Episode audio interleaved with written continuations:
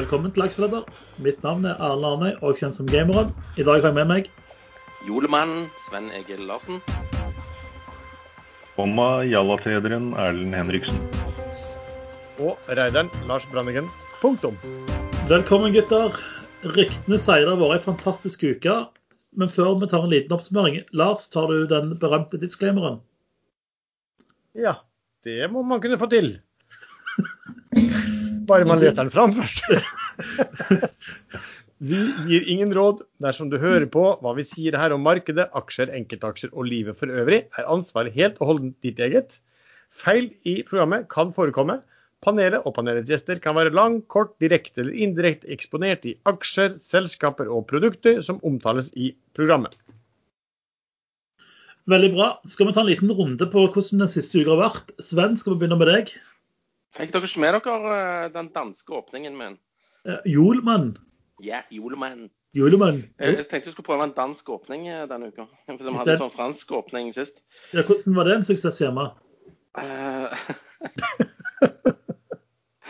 Nei, det var vel eh, Det, det funka så søren, det. Men, vi snakker jo om eh, handelssystemet på Oslo Børs. ja Eh, selvsagt. Hva, hva, trodde, hva, hva trodde du? Nei, fra, fransk balkong. Jeg vet da søren, Eh, ja, u- uka som har vært uh, Nei, jeg har faktisk bursdag i dag. Uh, så mye har gått med til å planlegge en liten bursdagsmiddag. Og så har jeg treida og vært med i emisjoner som vanlig. Har jeg gjort noen bra trades? Jeg husker ikke. Jeg har ikke gjort noen veldig dårlige, i hvert fall. Så da tror jeg jeg har gjort noen bra, ja. Så, men eh, altså Det er litt mer volatilt i markedet, føler jeg. Og eh, det er jo bare kjekt. Jeg har fulgt med på NAS og uttalt meg til media om hva traderne holder på med der. Eh, så det har jo skjedd en del. Men eh, jeg har ikke tjent millioner, eh, sånn som visse andre muligens har gjort. Veldig bra. Eh, Henriksen, hvordan har du hatt det denne uka? Jo, her har det gått litt sånn på vinger, faktisk. Eh, Jeg har jo da tredet denne Norwegian-aksjen, som er i et vakuum akkurat nå, fordi de har kommet i Det kan vi ta etterpå. Det var sånn det der. Veldig, veldig bra. Ja, bra. Selv i, selv i høy alder så har du sånn der lærekurve som fortsatt virker. Jeg, Ja, ja, ja. jeg, jeg lurer Ja, på hvor mange Post-It-lapper han har rundt skjermen sin for å minne seg på at han bare skulle ta en kort intro. Du da, Lars, har du hatt noe, gjort noe spennende denne uka? Ja, litt Ja, jo. Jeg har vel vært med og tegna meg i noe emisjon. Og ikke noe sånn Ikke, ikke noe à la sånn elleville ting som, eh, som uh, Henriksen. Stille og rolig, egentlig. Kjøpt litt her og der. Så, så bra. Jeg, eh, jeg har hatt tidenes beste timing på kjøp og salg. Jeg klarte å selge, eller vekte ned i God-aksjene mine tre minutter før det kom en positiv melding. Så det var kjempegøy eh, på en måte å ikke få med seg den oppturen. Eh, ellers så eh, klarte eh, mitt hoffmeglerhus Pareto å gjøre en trykkefeil. Så jeg hadde på et tidspunkt ti ganger mer HTTO-aksjer enn det jeg egentlig hadde. Det så veldig fint ut på kontoen. Eh, takk, Tore, synd du trakk det tilbake igjen. Men det var, det var i hvert fall hyggelig. Eh, ellers har det vært en stille, rolig uke. Jeg deltok jo i en emisjon sammen med Sven, nemlig Thunderfugl. Eller Thunderfugl, et eller annet sånt ting. Jeg fikk null aksjer, og Sven fikk sånn 50 aksjer eller noe sånt. Så det var jo Ja, jeg fikk, jeg fikk 500. Jeg kjente uh, graps på den, på den lille innsatsen der. Den gikk jo som ei kule. 70% 80% på første 20 minutter. Hva- 680 solgte jeg den på. Jeg vet ikke hva emisjonen var på. 50. Ja. 36 ganger 500. Det ble penger, det òg. Nei, jeg fikk ingenting, jeg. Så det er tydeligvis forskjell på Du som var så bull på dette her og fronta caset og Ja, ja. Nei, det, jeg fronta det på Twitter og greier og tagga alle som burde tagge. Så de bare Ja, ja, han stryker med. Det er greit, det. Nordnett og Thunderfull. Det er notert i den eh, lille svarte boka. Den er vel ganske stor, den svarte boka etter hvert. Ja, vet du hva, Det er sånn leksikon. Jeg tror jeg er på bind nummer 25 eller 30 snart, kanskje. Men det, sånn er det. Det er viktig å ha, ha folk du ikke er glad i. Som ikke får julekort, iallfall. Men eh, skal vi bare begynne med Jallamas med en gang, eh, Erlend? Ja, hva vil du høre om? Nei, altså dette har jo vært en begivenhetsrik eh, uke. Jeg uttalte vel eh, sist uke at de som tredje nas, er idioter. Men eh, du, du jeg, tror du, jeg tror ikke du var så snill. Nei, jeg tror ikke du feiler det, faktisk. Men eh, kan vi ikke prate litt om hvordan det har gått, da? Så kan vi se hvem som var den lure. Jo, det er jo denne berømte, dette berømte vakuumet som slår inn, som jeg regner med å få Nobels økonomipris for. den heter ikke Nobels økonomipris, den heter Økonomiprisen bare. Uh, til neste år.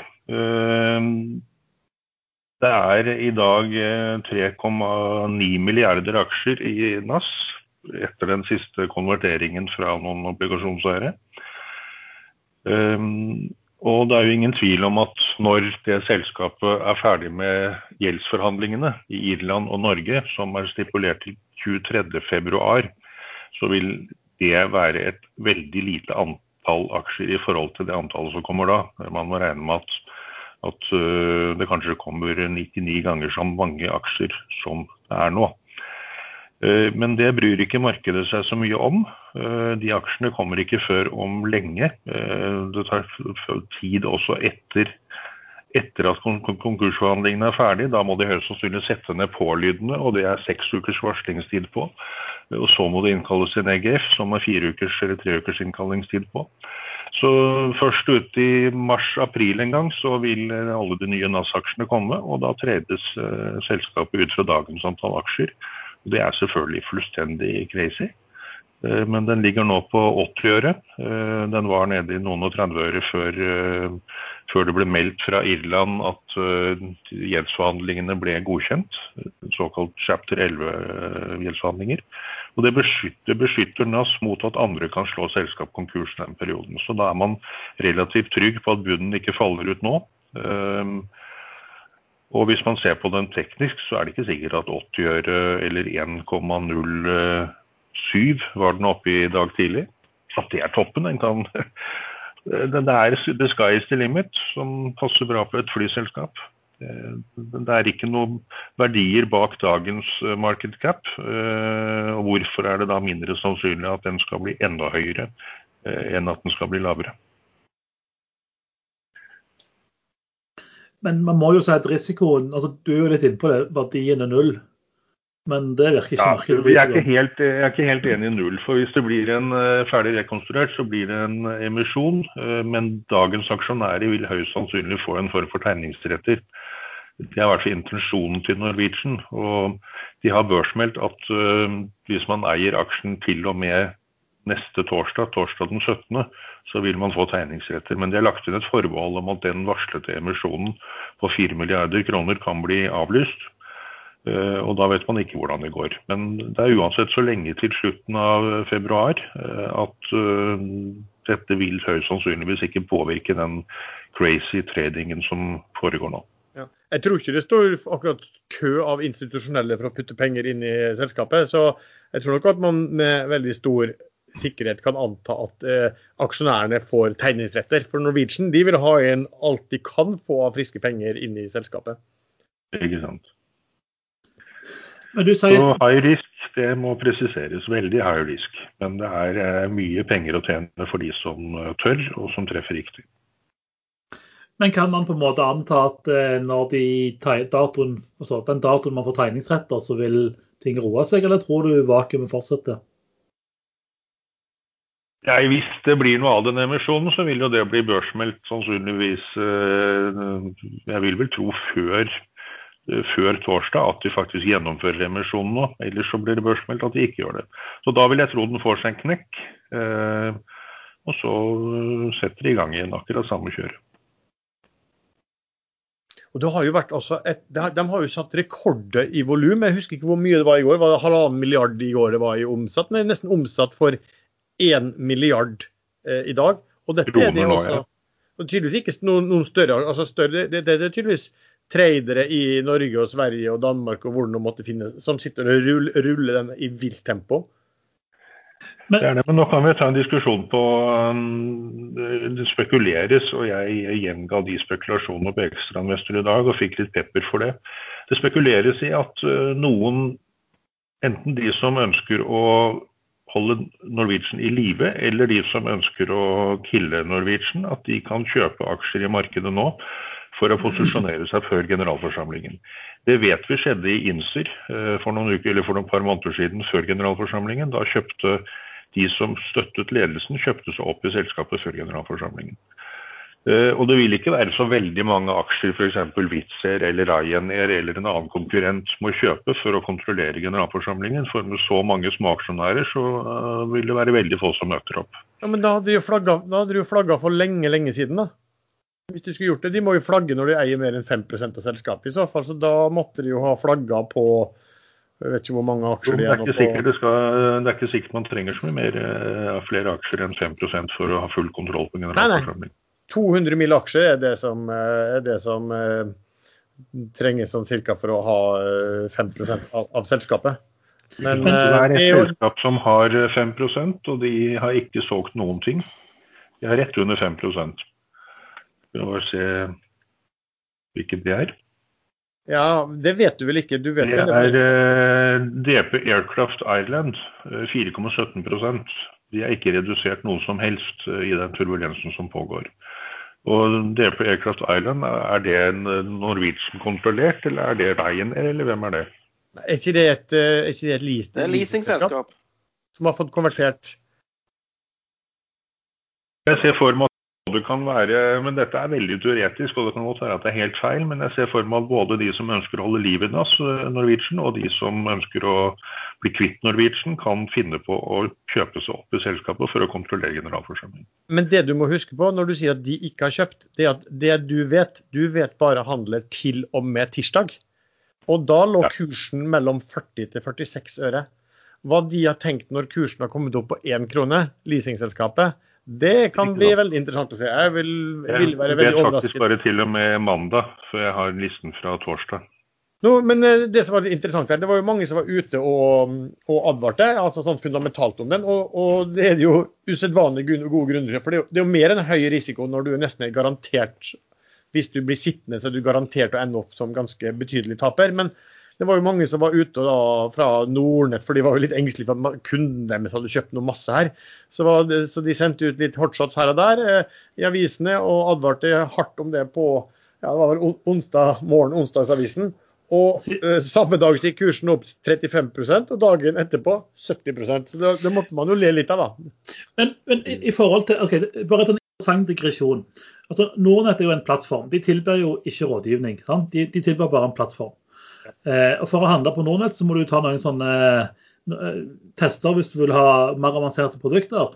Og hvis du, går, eh, hvis du går gjennom de testene, så får du handle produktene. Når da Nordnett går ut og advarer mot den aksjen som på en måte deres kunder handler mest, så tyder det på at det er noen tester som burde vært mye mye vanskeligere, siden de ikke tror at kundene sine skjønner risikoen de påtar seg. Da hadde jeg strøket med glans på den testen. Nei, men du, du skjønner jo risikoen, du velger bare å totalt ignorere den. Ja. Men eh, la oss gå tilbake. Det, det, denne vakuumteorien, det er jo en grunn til at jeg satte et navn på det, er fordi jeg har observert hvordan aksjemarkedet funker i, i, i en 10-12 år, eh, og ser at det skjer gang på gang. Når det meldes en emisjon som gjerne er, eh, innebærer vesentlig flere aksjer enn det er i selskapet, men det tar tid før de kommer, så skjer dette gang på gang. Og i Norwegian i, i, vår så ble det jo meldt en emisjon og masse konvertering. Eh, konverteringskursen var vel ganske høy, opp på fire kroner for disse leasingselskapene og andre. Men eh, emisjonskursen var vel én krone, hvis jeg ikke husker feil. I hvert fall så var det noe som var en krone. Eh, da lå kursen på, på over fem kroner. Eh, at det kom til å komme en sånn melding. Eh, den raste til eh, Den gikk vel innom, ned, innom 4-3-tallet et par dager før meldingen kom, og så raste den til 1,50. Og Da ble det tatt imot sinnssykt mange aksjer, og akkurat det, skjedde, det samme skjedde da som nå. Kursen gikk opp igjen, og den var i hvert fall over tre kroner. Jeg tror den gikk enda høyere. Mm. Selv om alle visste at det kom tre milliarder nye aksjer i markedet, og det var 700 millioner aksjer i markedet fra før. Ja, for det, det, her er jo litt sånn interessant at alle som uttaler seg, får på en måte riktig de som er fundamentale. og Vi snakka jo også om hvor galskap det var gangene, og det var et sikkert tap for de som ble sittende. Eh, og det stemte jo helt riktig, men samtidig så kan man altså trade den på enorm risiko. For at du, du jo faktisk noe som med nødvendighet skal falle over tid. Um, men, det, men, da kan i hvert fall en god del tjene, sånn som du har gjort. Veldig gode penger. Vel, men Sven, du var jo avisa. Det var kanskje du som klarte å forklare hva som skjer best eh, til eh, folk i markedet? Uh, ja, hva var det jeg sa til avisa? Jeg sa vel bare at uh, det er et ynda tradingobjekt, for det er masse volumer og uh, høy vol volatilitet. dette er noe som tiltrekker seg holdt på å si fluer til fluepapiret.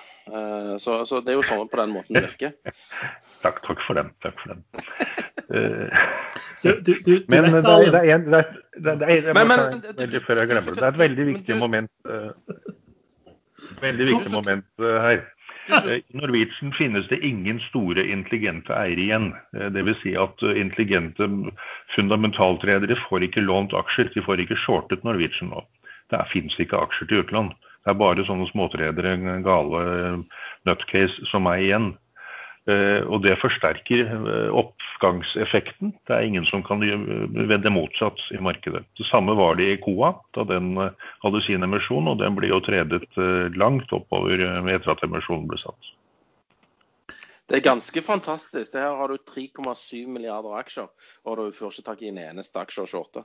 Eh, I går klarte jeg å skaffe 433 aksjer til å shorte i Norwegian. Hvor mye tapte du på de? Nei, jeg shorta det ikke. Jeg bare sjekket hva som var tilgjengelig. Jo, men, jo, men altså, ærlig talt også. Hvem? Du skal ha ganske både store muskler og big balls altså, for å uh, shorte noen ting som i ellevillhet blir, uh, blir uh, snurra. Altså, der er omsetning på halvannen milliard på en dag, og så satt liksom all record. Det er ganske mye, det er ganske stor pengestrøm da, som møter deg. Og det virker jo sånn at her kan man faktisk hive ut ganske mye. Jeg mistenker at noen gjorde det i dag etter noe konvertering.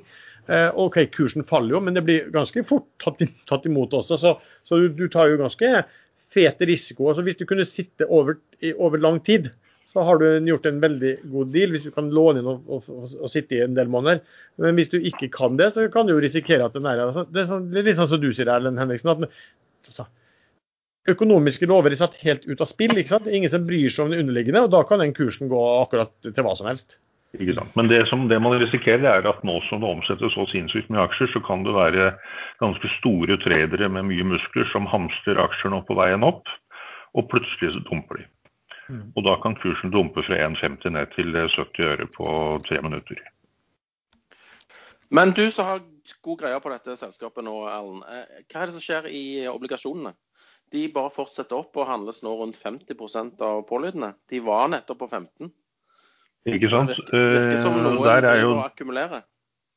Der er jo da det samme, samme, eh, forslaget mitt som jeg fremmet i ekstrainvestorchatten og fikk litt pepper for. Det er at det er eh, to parter, to sider, som posisjonerer seg i obligasjonene. Det er de som ønsker at Norwegian skal overleve, og det er de som ønsker at Norwegian skal dø. Jeg klarer ikke å se noen annen grunn til at folk hamstrer obligasjoner nå og er 50% av pålydende. Det er jo nesten enda mer galskap enn, uh, enn å kjøpe aksjene. Men, men, Sven, du handler jo mye obligasjoner, gjør du ikke det? Altså 50% på et selskap som skal inn i rekonstruksjon, er ikke det helt, helt sinnssykt? Det spørs hvor mye pantet er verdt. Hvis de mener at pant er verdt uh, uh, mer enn 50% så, så, så, så Akkurat. Der, ja. Apropos covid. Ja. Det tar på å feire de der gevinstene, hører jeg. Ja. Skriv testamentet, hører jeg. Norwegian-kursen ja. droppet med to øre, så jeg fikk okay, eh, jo, eh, nei, det spørs hva pantet er verdt. Og, og, og, hvis motivasjonen til de som kjøper obligasjonene er faktisk å slå Norwegian konkurs, så, så kan de få til det. Og så stikker de av med pantet. Eh, og hvis dette er Ryanair eller eh, Wizz Air eller noen andre. Men altså, pant er jo slått Er det på særlige verdier, da? Ifølge de, så, ifølge både Wizz Air og, og Ryanair, så sugler de på de landingslottene på, på Gatwick, altså. Mm. Men Er de verdt så mye i disse covid-tidene? Liksom? Nei, ikke covid-tidene, men uh, det, det, er jo ting, ting, som tyder på at vi skal ut av denne coviden uh, til neste år. Ja, kanskje. Men For det første så skjer ikke dette her da før eh, når gjeldsforhandlingene er ferdig 23.2. Jeg tror ikke det er noe mulighet for at de avsluttes før. Dette er en dato som er satt. av retten i, Irland. Tilsvarende i Norge. Så jeg tror, tror, ikke man plutselig våkner en dag til MH at, at NAS er konkret. Det tror jeg rett, rett, og slett ikke kan skje i en sånn gjeldsforhandlingsperiode. Men det er ikke bare de som ønsker NAS død som kan nå ha kjøpt masse obligasjoner. Det kan jo være de andre også. Det er de som vil redde NAS, tenker du på? Ikke sant. Ja. Men det er jo litt fundamentalt så er det litt morsomt i hvert fall å høre det, Ellen, at du, du, kjøper masse aksjer, men betegner det som er mye mindre risiko reelt sett å kjøpe gjelden deres til 50% av pålydende som galskap. Nei, men hvem skal selge, liksom? Det er bare småaksjonærer. Det er, Nei, jeg skjønner ikke det. Sånn for å ta, det er ikke bare norske småaksjonærer her. Det er Avanza Bank, svensk bank, eh, svenske småaksjonærer. De er største eierne av over 12% Clearstream Banking, det er tyskere, 8,38% Nordnett Bank, eh, da Nordnett-kundene, 7,69% Saxo Bank neste. Euroclear Bank neste. Swedbank neste. Jeg tipper det, jeg tipper det er en, en, eh, hel gjeng med svensker som tror de får uh, gullkort. Der er faktisk eh, På de verste svenske forumene er det ekstremt mye NAS-skriverier. Så det er ingen tvil om at uh, Jalle Snappkill, er det du kaller han, Sven? Er, kom, Janne. Janne Snappkill. Det er kun i, kun i Sverige at, at uh, gutter kan hete jentenavn, liksom. Ja de har kommet i busslaster eller uh, flylaster inn i NAS, for å si det sånn. Skal vi hoppe videre? Nok NAS i dag. Eh, understrek igjen at risikoen er høy, men eh, hvis du bare glemmer risiko, så kan det jo gå bra òg av og til. Det har vært en natt jeg aldri ville giret, bare sånn på det jeg har sagt. Hvor, hvor, mange trades på rad har du med pluss i denne NAS-en her nå, Henrik, Henrisken? Nei, jeg er faktisk i pluss på alle tradene. Eh, det er vel en sju-åtte trades, og ligger i pluss nå med den potten jeg har nå. Fantastisk. Veldig, veldig bra. Belåningsgrad er jo oppgitt i DNV, skulle man tro. Utbytte, antar jeg. Hvor er det belåningsgraden står? Det kan ikke være belåningsgrad på Nei, det burde være null, men jeg, jeg, jeg husker da Sidril var på vei ned mot uh, sin, uh, sin, restrukturering, så var belåningsgraden 80% i DNB. Du, nå er jo Nas er holdt nå. Går, går, går, og ber om konkurs til Oslo byrett nå klokka 15.00. det står det. Holsted. Og dagens hjerteinfarkt, liksom. Hva skal man med venner? Nei, uvenner. men, eh, men Arlen, du vet jo at eh, etter denne NAS-tredingen din, så, er det du som dekker julebord i 2021 og 2022 òg? Hallo?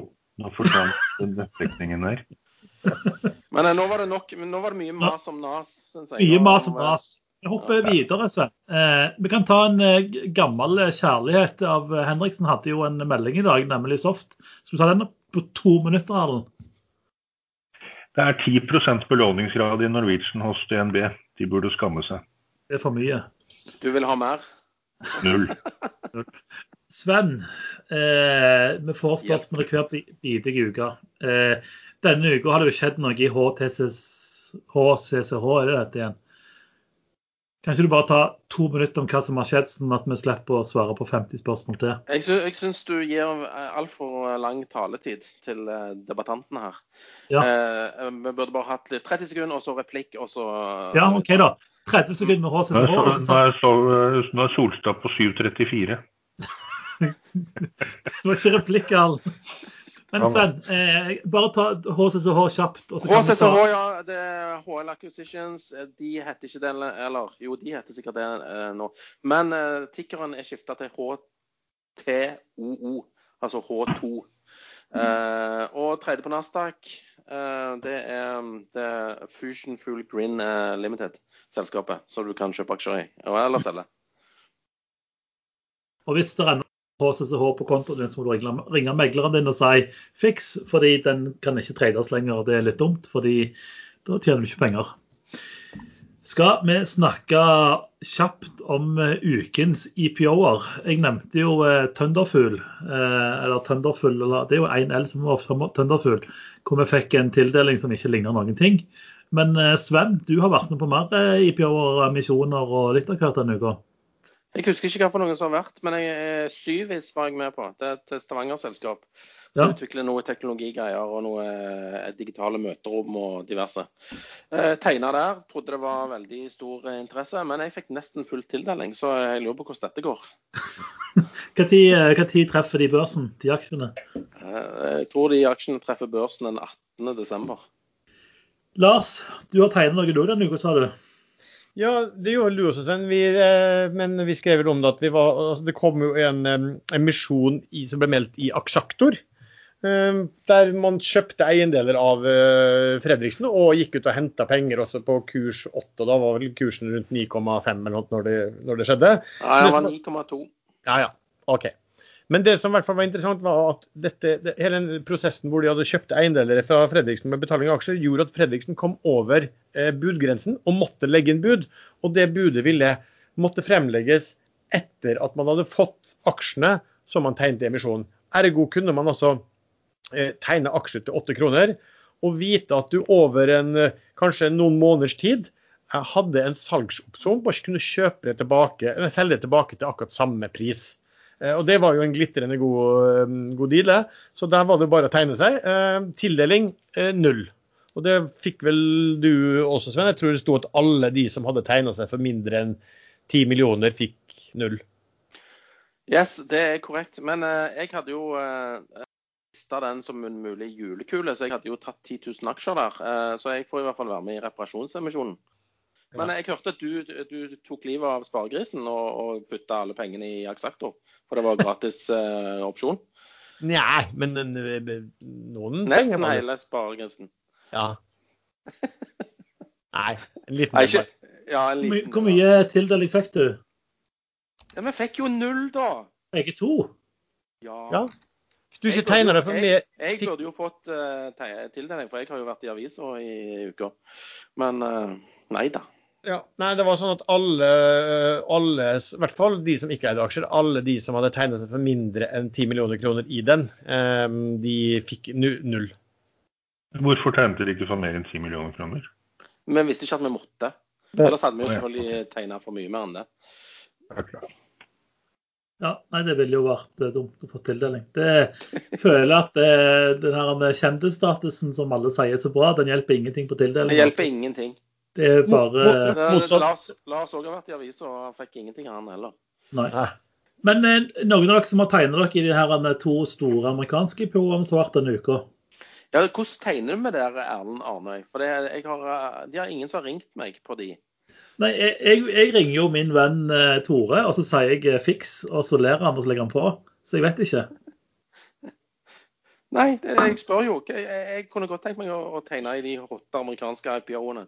Men jeg vet ikke hvordan jeg gjør det.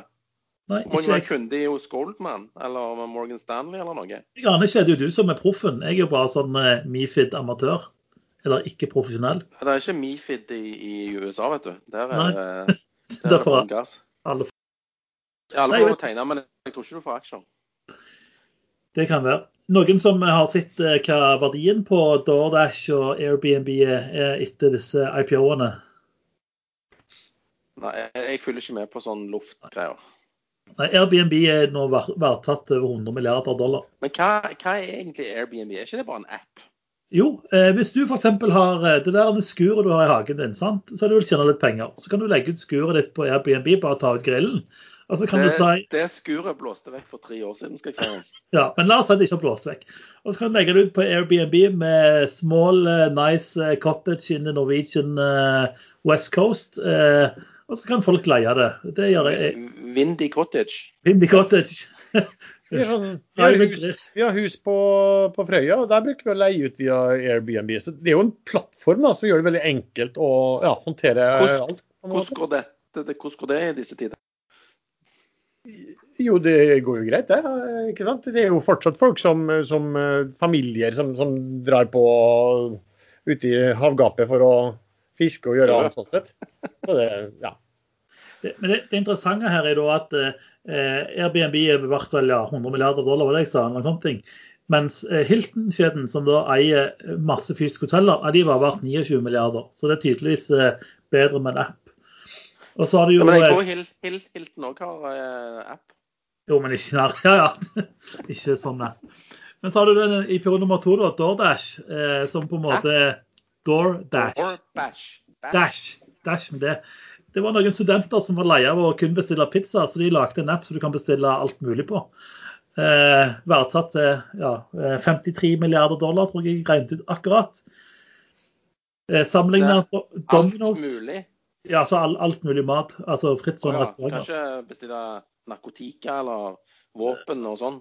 Nei, det er helst pizza og kebab fra Sola Crossen Kebab AS eller noe sånt. I USA. Ja, eller i Norge. Jeg tror ikke du kan ha det i Norge, faktisk. Men, eh, men, men sammenlignet da er på en måte med Domino, som vi da har masse masse, masse pizzarestauranter, ja, de har bare vært 15 milliarder. Men DoorDash, som kun er en plattform, de har vært 40-50. Så uh, tydelig at uh, USA er, og California plass som lager apper. Kanskje vi skulle lagt en sånn aksjesladderapp og sluppet den i California. Dagens sponsor er som vanlig IG.com. IG.com er en stor internasjonal nettmegler som er notert i London og har kontorer flere plasser i Europa. Lars, i dag snakket vi jo om to veldig hotte amerikanske IPO-er, nemlig Airbnb og DoorDash. Og mange tenker jo gjerne at OK, de har ikke lyst til å handle. Har IG noen eh, løsninger for det? Ja da, det har de. Eh, Det er klart at Her kan det skje mye spennende også nå i desember og over jul og nyttår i, i de aksjene og andres. Og Da passer det jo bra å ta del av IGs tilbud på amerikanske aksjer. IG tilbyr nemlig utvidede åpningstider på amerikanske aksjer, der du har en sjanse til å ta en posisjon på over 70 aksjer. Du kan gå både long eller short, og få fordeler i forhold til eh, volatiliteten som kan oppstå, enten gjennom eh, CFD-er eller DMA, altså som Direct Market Access. Og hvis du vil åpne en konto i IG, så kan du gå til ig.com, eller følge linken i beskrivelsen av podkasten.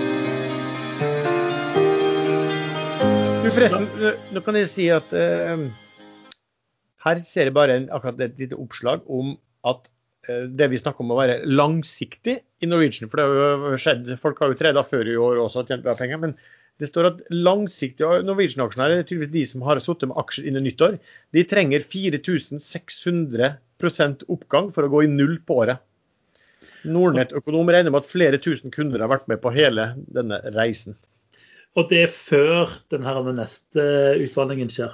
Så det blir mange prosenter opp. Skal vi ta prate om dagens høydepunkt, eller ukas høydepunkt, som mange har eh, mast om lenge, nemlig The Christmas Balls, eller eh, julekulene til Sven. Ja, men folk har venta i 51 uker på dette. her. Er dere klar over det? Ja, OK, Sven, kom i gang. Jeg har funnet fram til julekuler. Jeg, kaller, eh, jeg tenkte først jeg skulle ha tre, og kalte de for Triple A. For det var tre, eh, tre eh, som begynte på A.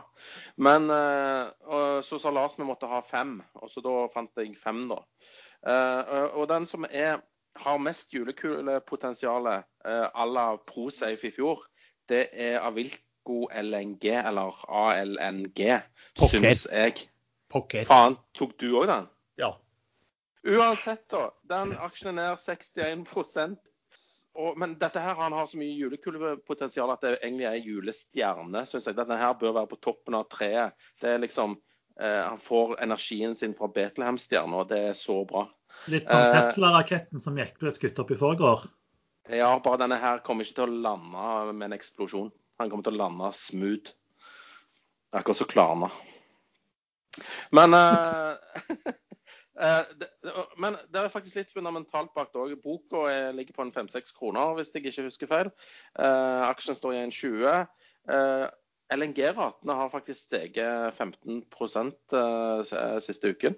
Eh, Så det er faktisk fundamentale grunner til at denne her kan gå opp i tillegg. Men balansen ser ut som eh, risikovurderinga til Henriksen. Det ser ikke bra ut. Men som julekulepotensial så tror, gir jeg denne her ti av ti, altså. Det er nummer én på lista. Nummer to på lista er Avilco Drilling. Nå tar jeg alle Avilco-selskapene nedover. Eh, De, har, de krangler med et verft. Eh, Hvis de slipper unna og får noe penger tilbake, så kan den gå sky high. Julekulepotensialet mm, seks av ti.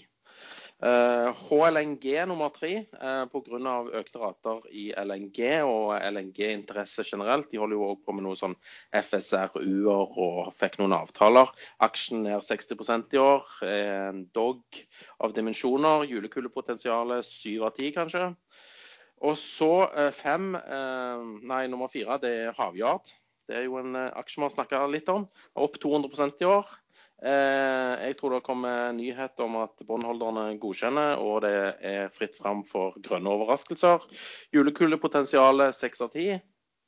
Og så sist, men eh, jo, han er sikkert minst òg. Eller kanskje ALNG minst. Men siste er Tinnfilm Electronics. Det er hype-aksje som er sånn typisk. Den drar vi før uh, nyttår. Julekulepotensialet åtte av ti. Det var mine fem. Veldig bra, Sven. Eh, Erlend, skal du ta dine kukler? Kuler? ja, det blir mye vakuumkuler i år, men de er vel de beste julekulene. Litt harde å tykke. Eh, Norwegian trenger jeg ikke å si noe mer om. Det er en helt soleklar eh, julekule. Det kan også bli en nyttårsrakett, men det skal vi vel kanskje ta en senere episode. Og så har vi Solstad Offshore. De er ferdig restrukturert. De har fått utsatt låneforfall til 2023 og gjeldsforfall til 2024. Um, den kursen er på vei oppover. Um, der ba vel emisjonen på 2,80, nå ligger den på 7,30. 7,20. Uh, jeg tror den skal langt opp. Er, jeg klarer ikke å se hva som skal være negativt der nå. Eh, selvfølgelig så er jo dette et marked med, eh, med mange båter som ligger i opplag og sikkert ikke så enkelt å tjene penger, men de har en fot innenfor ESG de også. Der er eh, Røkke via Aker største eier. og litt flaks, og plutselig skiller de også ut en ESG-del, sånn som han har gjort i andre Aker-selskap. Så den gir jeg eh, ni av ti på julekulepotensialet. Eh, ingen konkursfare. Eh, men markedet burde bedre seg. Men nå er oljeprisen over 50, og da påvirker det en sånn aksje. Neste er Doff. Doffen har daua, eller har Doffen daua, har alltid vært svirret i luften. Doff er jo Det er vel det som heter Dolphin det heter ikke Dolphin Offshore lenger, det heter District Offshore. Eh, det er Møgster som er hovedeier. Eh, han begynner jo å dra litt på årene og begynner å bli litt lei. Og partneren i selskapet som nå er oppløst, eh, Trond Moen, altså junior Moen, han har solgt seg sakte, men sikkert ut de siste ukene. Hadde 50 millioner aksjer, og på siste aksjonærlisten er han vel rundt 6. Og jeg tror han er helt ute nå, eller nesten helt ute. Og Det ser man på aksjekursen, for den har dratt oppover fra 0,40-tallet og ligger nå på 0,61,90. Eh, det selskapet er ikke restrukturert. Eh, der vil det må nødvendigvis måtte slettes en god del gjeld. Eh, men bondsene handles nå på rundt 30% tror jeg. Og da da skal det ikke så veldig mye til å få båndseiere med usikrede lån til å akseptere eh, ganske grei helkutt. Det skal visstnok være en møte nå på tirsdag. Eh, blir høyst sannsynlig bare utsatt til, til eh, bankene. Bankkonsortiumene har møte med, med, Doff i januar. Og da er det jo da sverdet faller, eller, eller det blir en kraftig utvannet emisjon kombinert med masse konvertering og masse nye aksjer. Eh, men eh, pålydende i District Offshore, i Doff, er én krone. Hvis de skal sette emisjonen under det, så må de eh, sende ut et varsel via Brønnøysund til alle kreditorene om noen har motforestillinger, før de kan sette ned konverteringskursen. Og så skal det innkalles til generalforsamling. Og da har man alle disse ukene etter at dette er vedtatt, hvor det kan bli et fantastisk vakuum helt fram til det bitter end. Så det er tre julekuler. Ehm, jeg har egentlig ikke flere akkurat igjen. Lars, har du noen eh, julekuler? Eller det sier du hadde jo én. Ehm. Ja, eh, litt, med litt sånn skrekkblanda fryd. For at i fjor så hadde jeg vel jeg, overlot jeg det til Erlend og til eh, Sven. Og de traff begge veldig godt. Sven traff jo helt eventyrlig godt. Og det er liksom nesten litt utenfor min sånn komfortsone når, når det er så kortsiktig, og de to gutta er flinkere til å vurdere det. Så jeg prøvde å finne noen, i hvert fall et par, som jeg mener har noe fundamentalt i seg som gjør at de kan bli eh, julekule. Og så var det en som var bare en hunch. Men den første den tenkte jeg snakke så mye om. Det var akkurat sånn som Sven, Avilko LNG. Den andre er en vi har snakket om før her i år, som er ned 90% i år. Og det er Inser. Um, og årsaken til det, nå har vi jo vært innom det at selskapet selv mener at de skal få ut 1 til 1,50 per aksje hvis de slakter det. Og kursen da ligger jo eh, godt under det nå, ligger på 76 øre nå. Men da har de ikke tatt med verdi av et stort framførbart underskudd som kan ha en verdi på oppimot 2,70 per aksje. Altså, eh, bare det jeg vet nå er at de har jo solgt unna store deler av forsikringsvirksomheten sin til eh, Storebrand. Men de holder på nå å forhandle om salg av en dansk portefølje og en reassuransedel.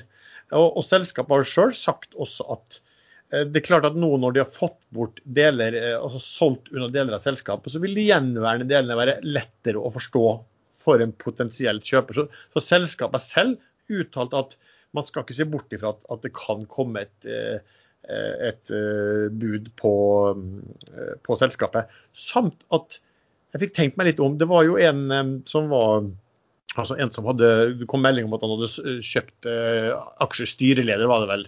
Eh, og Så viste det at det var jo bare en intern transaksjon. Han hadde kjøpt aksjer av barna sine på 74 øre.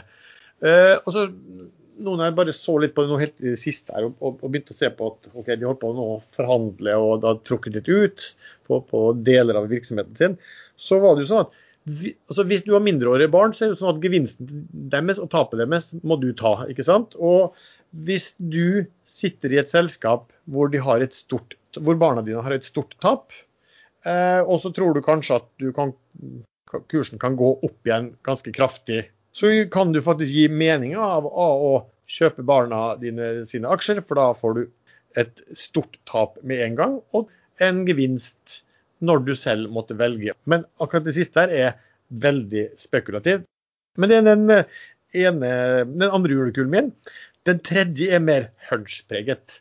Eh, og det er, jeg tenkte jeg måtte se om det var noe oljeselskap kunne få med her. Mange av disse oljeselskapene har regulert veldig kraftig. Uh, men Interoil, som driver med oljeleting i Colombia og Argentina, har egentlig ikke gjort det. Den er ned 54 year to date, har en børsverdi på en ja, 200, overkant av 200 millioner kroner. Og så Da jeg bare så på den type aksjer, at i fjor så steg Interoil veldig kraftig eh, i desember. Den steg over 60% i desember, og ja, omtrent i den perioden nå så steg den i løpet av en uke på over 80% Så det er egentlig min tredje. Jeg har var inne og vurderte eh, også om kanskje man kunne ha Nordic Nanovekter eller Northern Drilling eller noe sånt som kunne være eventuelt gule. Men det var disse her tre da, som, som jeg falt ned på. Jeg sjekket òg på i OX, men jeg, jeg syns de hadde så græla lite cash på balansen og så mye uh, kun, altså leverandørgjeld at ja. jeg styrte unna. Ja, nei, Den er jo veldig risikofull. Jeg så forresten det var gjort et sånt kjempefunn visstnok på land i, i Colombia eh, i, i, uken, eller om det var et par uker siden. Som, men jeg vet ikke hvor, hvor, langt det ligger under hva de holder på med. Sikkert, sikkert langt unna hva, hva, de måtte holde på med, men ja, gudene vet. Det blir spennende å se hvem som vinner årets eh, julekuler. Eh, er det regjerende mester Sven, eller er det Jallakongen som eh, glimter til å bruke siste rest av flaks? Han har igjen. Nei, altså, Dine julekuler Erlend? Jeg har faktisk ingen. Jeg eh, hadde en del gaming, men gaming er så beist nå at eh, de kommer ikke til å gå noe uansett. så da, da, da bruker jeg bare programlederhatten, og så får dere stille med, stille med men, årets kuler. Har de ikke julekuler i Sverige? Nei. Har de ikke det? Nei. Hva er det de har for noe, da? De har en sånn der en uh, julebukk i halm som de setter fyr på i en eller annen by. OK. Jævelbukken, har du kjørt om den? den jeg, har hørt om så, jeg har hørt om sånn julmust, men ja. uh, Gavlebukken uh, setter de opp 1.12. hvert år, og så liksom er det alltid som veddemål hvor lenge varer han for noen setter fyr på den. Bare google altså, Gavlebukken. Så du kan uh, gamble på det liksom hos Unipet og det, disse her? Det kan du sikkert. Det er ikke lov å brenne den da. men det kan, Kanskje du kan gamble, og du, og, du kan, og du, kan, ganske enkelt påvirke resultatet også. Gavlebukken har til og med Instagram-konto. Han lever, lever ennå i år, tydeligvis. Eh, Jævle heter det forresten. Jævle. Ikke gavle. Jævle. Jeg vet ikke, jeg. Det, det heter, heter jævle. Jeg har også dessverre. Det heter jævle. Ok, Veldig bra. Men du Lars, vi har, vi har flere ting å snakke om. Eh, fordi For noen uker siden så hadde vi et veddemål som jeg tapte. Eh, hvor pengene gikk til et veldedig formål. Og Da fikk jo du en idé som vi har gjennomført. Eller gjennomfører. Ja, Vi, vi snakka jo da om at vi skulle gjøre noen ting sånn eh, at vi ga det til veldedighet. Og så har jeg faktisk også fått det innspillet fra eh, et medlem på Ekstrainvestor. At eh, hvorfor prøver man ikke å gjøre noen ting? Kan, kan ikke dere ja, gjøre ting sammen og samle inn penger til et godt formål via aksjesladder og ekstrainvestor? Så det har vi i panelet her snakket om. Og vi har eh, satt opp en konto på Spleis. Der, som er årets aksjesladder slash ekstrainvestor innsamling. Det er tradernes og investorenes julegave til et fantastisk formål. Innsamlede penger går direkte fra Spleis til sykehusklovnene. Vi syns jo at det har vært et bra år. Svært godt år for mange tradere og investorer på børsen. Og vi vet at vi når mange via den podkasten her, og vi når mange via ja, nyhetsbrevet til ekstrainvestor og medlemmene der. Så nå ønsker vi å bidra til at sykehusklovnene får de midler som behøves til å gjøre hverdagen bedre for barn og unge, samt deres pårørende så håper vi at du vil støtte om det. Jeg har vært, selv vært på, for noen år siden på sykehus med barn, og der disse sykehusklovnene kom. Og var, de var veldig, veldig flinke med både, både barn og, og um, voksne. De treffer faktisk ikke barn og unge bare på sykehus, men de er også på hjemmebesøk. Og Da forteller pårørende hvordan møtene bidrar til større livsglede og mestring av en vanskelig hverdag. Gå gjerne inn på Spleis Finn det som heter tradernes og investorenes julegave til eh, sykehusklovnene, og gi så det monner. Alle pengene går altså direkte fra Spleis til kontoen til sykehusklovnene. Link kommer òg i beskrivelsen av podkasten. Det er 30 stykk som har gitt allerede, og den er lagt ut for under en time siden, så det er veldig gøy. Ja, hvor eh, mye, hvor mye penger har vi da samlet inn da, når vi har eh, på en liten time? 15 000. Ja, vi har 15 350 nå på noen få timer, og vi har ikke begynt å markedsføre det. Så dette skal bli bra. Veldig gøy. Eh, hele panelet utenom ett medlem har vel òg vært inne og gitt. Raust, så det liker vi veldig godt. Ja, men hvordan er det med, er det med gir? Eh, hvis du kunne bare kort eh, for oss som ikke er, er vant med å Nei, eh, det, gi så mye? Nei, det, eneste du gir til skatteetaten, men de tar jo helst. Nei, jeg, pleier gi, jeg pleier å gi faen. Ja, det vet vi. Du følger linken, Sven, og så kommer det opp en knapp som heter 'Støtt spleisen'. Så trykker ja. du på den, og så kan du enten velge et av de beløpene som står der, eller du kan skrive inn et valgfritt beløp. Du skriver inn et valgfritt beløp med mange nuller, og så kan du velge VIPS, kort eller faktura. OK. Takk for men Da har jeg et kort spørsmål. Hjelpen. Eh, hvor finner man linken? Den ble lagt ut på Ekstravenstre i dag, men den har rullet langt oppover setten allerede. Eh, linken kommer til å ligge i beskrivelsen av podkasten, og jeg mistenker at den kommer til å ligge i Børsekstra de neste dagene. Ja, korrekt. Det gjør vi også. Vi sender ut en Børsekstra, for det bruker vi å gjøre når vi har kommet med en ny aksjesladderepisode. Så den sender vi ut i helgen, og der kommer det til å ligge lenken til innsamlingsaksjonen vår. Mm. Da noterer vi at Erlend Henriksen i Alle kongen stilte et intelligent spørsmål. Det er notert eh, og settes stor pris på. Men Lars, det er mer som skjer. Du får faktisk hele to eh, selskaper eh, på besøk for presentasjon neste uke. Ja, vi har jo faktisk eh, en av vi har snakka litt om også. Men først Um, så Vi skal altså gjennomføre to live-events med selskap som nå kommer på børs. og De sendingene går live på Ekstrainvestors side og gruppen Børsforum på Facebook. og Straks etterpå blir de tilgjengeliggjort også på YouTube og inne på Ekstrainvestors chat. Altså På mandag førstkommende, altså 14.12. klokken 10.30 så kommer Nordic Unmanned på live event. De tilbyr skreddersydde dronetjenester for innsamling og fremstillelse av data. Så CEO Knut Roar Wiig skal presentere selskapet og svare på spørsmål som blir stilt av moderator Tommy Johannessen fra Sparebank1 Markets. Eh, Nordic Unmanned skal noteres på Euronext Growth rundt den 15. desember. Altså sånn, forhåpentligvis da dagen etterpå de hadde presentasjonen. De har blitt en av Norges, Europas ledende leverandører av dronetjenester gjennom egenutviklede produkter og strategisk samarbeid med nøkkelpartnere, og har nå operasjoner i over ti europeiske land i 2020. Um, hvis du vil at Tommy skal stille noen spørsmål, eh, så send det gjerne til info.ekstrainvestor.com. Vi kan ellers legge til at det kom en artikkel i Finansavisen i dag om den eh, emisjonen, der det ble skrevet at både Øystein Spetalen og Arne Fredli var de blant de som tegnet seg i emisjonen. Den andre vi skal ha, er på torsdag klokken 10.00. Da kommer Cyvis. Eh, administrerende direktør Espen Gylvik kommer for å presentere selskapet og svare på spørsmål som blir stilt via Christian Støle fra Carnegie. Cyvis er nok et eksempel på norsk verdensledeteknologi innenfor videokonferanse og samhandlingsteknologi, der vi kjenner bl.a. Tamberg Pexip og Akano som de mest kjente. 18.12. går selskapet på børs som en av årets siste nynoteringer på Euronext Growth. Etter korona må alle bygge om møterommene sine. Hybridmøter, der enkelte befinner seg på hjemmekontor, noen på mobil og andre samlet i større møterom, blir standarden. Og her har Cyvix en løsning. God løsning. 30 Fortune 500-selskaper med Accenture, Standard Chartered Bank og Chevron f.eks. er kunder av Cybis. Det amerikanske forsvaret, Aker BP og DNVGL er andre som har møter om eller løsninger levert av Cybis. Velkommen til nok en spennende presentasjon altså, via Ekstrainvestor. Vil du stille spørsmål til selskapet, så send det gjerne til info.ekstrainvestor.com.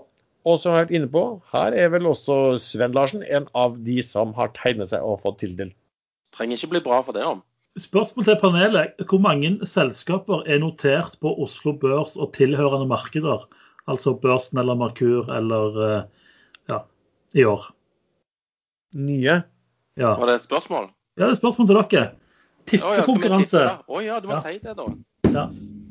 For Jeg gadd ikke høre spørsmålet. Så, altså, hvor mange nye? Var det bare, bare, på Euronext, eller var det på hele driten? Hele driten. OK. Uh, tipper 150. tipper 70? Erlend? Jeg liker ikke sånn tipping. Jeg må ha, ha det sikkert. Du tipper jo hver uke. Det er altfor høy risiko for den. Ja. Nei, 48 tror jeg jeg telte meg fram til mens eh, Lars leste opp eh, denne lista. Så det er jo flertallet er på Merkur eller uh, Euronext Grøft. grøft, grøft Ja. Men, det, men det, det, det, føles som det er mange flere enn 48? Ja, det føler det ut ti uker, så det er ganske heftig. Vi har fått noen spørsmål inn denne uka òg, så jeg bare tenker vi, vi, vi reider noen av de mest interessante, um, siden vi har litt tid igjen. Det er en som lurer på hvem som har tjent mest på NAS i panelet, og det er nok han skal du, skal du utnavne deg sjøl som konge? Du, ja. Jalla, kongen! Jeg, jeg, jeg, var litt opptatt med å lese meg opp på noe greier her. Hva, hva var spørsmålet? Nei, du har svart på spørsmålet. Så det er de som lurer hvem som har tjent mest på Nazi-panelet, det er Henriksen. Eh, og så har vi jo ja. ja. Vi har en eh, liten rakkeraksje kalt Zenit Energy. Den har begynt å rikke seg den siste uka. Kan ikke dere snakke litt om denne? Noen som har, eh, kan beskrive senest med to ord? Jeg vurderte faktisk den som en julekule. Det skulle tatt seg ut. Jeg kunne sikkert gått til 800% Men er det noe å satse på? Nei. Nei. Nei. Ikke kjøp Zenit. Ellers, eh, jeg har ikke så mye mer, noe mer vi skal snakke om i dag. Noe dere føler som er usagt? Ja, hvor får vi tak i uh, Tine sin greddost? Jeg finner bare Coop sin nå i butikkene. Men vet du hva? Jeg satt og funderte, for jeg skulle kjøpe greddost til 17 kroner. Så tenker jeg, har Sven vært her òg? Så jeg, jeg, lurer på den her bua di i hagen, Sven. Hvor mye greddost har du i den bua nå? Nei, jeg pleier å ha det i kjøleskapet, og så spiser vi litt av det, og så, og så er det plutselig tomt igjen. Men det, det jeg tror Jeg er nede på min siste greddeost nå, og jeg, jeg har trålt butikkene for å finne den. Og det, finner ikke det som er tingen, Etter de begynte denne krigen, så tror jeg en del butikker har tatt vekk reddersen fra hylla. Så hvis du har en sånn Ah. butikk som du kjenner, eh, da, kjenner butikksjefen, så går du bare og spør du, kan jeg få en av de greddersene nå gjemt på lageret. Det, jeg, jeg, jeg skal vedde på det jeg har gjort det. fordi normalt når, en vare, når det ribbes for en vare, så ligger det alltid masse papp og bås igjen i hylla, liksom, fordi folk har bare røska med seg. Men når hylla er helt clean for papp og alt, det er jo fordi de ansatte på morgenen før de åpner butikken, har tatt vekk alt. Så det er min teori. Det kan være feil, da. Det er ganske, ganske sleip, Men jeg syns det er ganske fascinerende å gå på dagligvarehandel for tiden.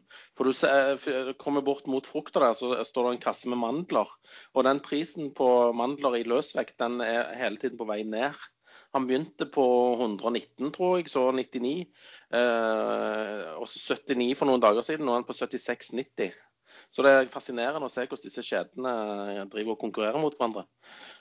Jeg, så forresten jeg så, altså han, Det er jo en sånn figur, hva heter det, dødleik eller et eller annet, som var på nettet og lager ut, og holdt på i mange år. Jeg har ikke sett han som later som en sånn gammel mann eller et eller annet, sånn, for å tøyse med ting. Og tenker på bergenseren? Ja, Dang, Dangfart Tønnesen? Ja, jeg så det. for Apropos, apropos jul og mandler og sånn, så så jeg han hadde liksom Ja, han fortalte hun holdt på nå og drev med, drev med å skulle, skulle lage noe og hadde fått beskjed om at han skulle male mandler. Det var jo male opp mandler, men han lurte på nå hadde han malt det i, i rødt da, og lurte på om han skulle male noen blå. og lurte på hvor mange strøk han måtte male den på også. Han, han er ganske fantastisk. Eh, ja. og det, det, kuleste er at du kan eh, leie han inn til julebord og sånne ting. Ja, Ingen som har julebord nå? Nei. Du, du, du, får høre om han er interessert i aksjer. Oh, Kanskje han kan være gjest? Å, oh, det hadde vært dritløye! Aksjesladder live med Dagfart Tønnesen. Så lurer noen til å kjøpe aksjene til Erlend. Jeg antar vi er ferdige. Noe mer vi skal si før vi avslutter dagens eh, relativt korte episode? Nei, nå har vi gått, gått og gira oss opp her nå eh, i 51 uker til disse julekulene. Så jeg ble liksom litt tom innvendig, hvis det er lov å si. Ja, det er lov. Jeg, jeg, jeg vil ha med julekuler til. Jeg må legge inn Nei, nei. Det, det, du må vente Jeg har jo bare tre. Reservekuler. 52 uker. Sven, det er lov med reservekule. Få høre, høre Arlen. Hva er reservekulen? Ja, da må jeg bare bla fram en uh, side her igjen. Men det går veldig fort, det. Jo, det er Nell. Nell er nå i all time high-området. Den har brutt opp og tester bruddet over uh, sånn teknisk uh, ganske massiv motstand fra flere tidligere topper. Eh, grunnen til at jeg tror den nå skal sky high, eh, og da kommer alle fundamentale investorer til å synes at jeg er fullstendig idiot, eh, det er at EU satser stort på hydrogen. Alt rundt hydrogen. Og her 9.12 kom det melding om at Norge slutter seg til europeisk satsing for innovasjons- og industrisamarbeid for hydrogen, som heter IPCEI. Eh, det åpner ekstremt mange dører, eh, hvor Nell har tilgang til mange av dem. Eh, kursen ligger nå på 24,28. Den var innom over 26 her om dagen, før den da gikk ned igjen og testet bruddet, det tekniske bruddet over den lange kanalen. Og jeg tror den kan det er litt mer bakgrunn. Nicola har jo fått seg en smell i USA. General Motors vil ikke videreføre samarbeidet, men den ligger på 18 dollar fremdeles. Så den er ikke vipet ut, som mange trodde, og sikkert mange har eh, shortet og spekulert i. Eh, ned 1,83 i dag, men det området den ligger i nå, det, det, er ikke så gærent. Og Nicola overlever jo, det, det er det ikke noe tvil om. De har mye annet. Um, men jeg tror markedet har egentlig bare avskrevet Nicola. Alle disse eh, titalls milliardene omsetning som du skulle få der, det, har, det ser de rett og slett bort ifra. Og ser nå at det vokser opp andre markeder, både i Sverige med, med stålprodusenter og sånn grønn eh, hydrogenproduksjon, hvor eh, Yara skal lage grønn ammoniakk, og Statoil Equinor er vel med på noe grønn hydrogenproduksjon. Så det, det, kommer til å poppe opp markeder. Og Nell har snart bygget ferdig, eller bygger nå en gigantisk fabrikk i Porsgrunn. Eller i hvert fall gigantisk, gigantisk i forhold til kapasitet på elektrolyserør, som ligger noe sånn som ti ganger over eh, forbruket av elektrolyserør i dag. Eh, ta disse tallene med en liten klype salt, men det er i hvert fall veldig stort. Så Nell er veldig godt posisjonert. Tyskerne kjøper fremdeles i bøtter. Eh, De eier, eh, eier 43,69 så De har redusert litt de par-tre siste ukene, men de snur seg like fort rundt igjen. Så Nell, julekule, absolutt alternativ, men ikke en sånn tregangeren julekule, men en eh, 20-30-40% Jeg tror eh, helt opp til 40 kroner kan den faktisk komme.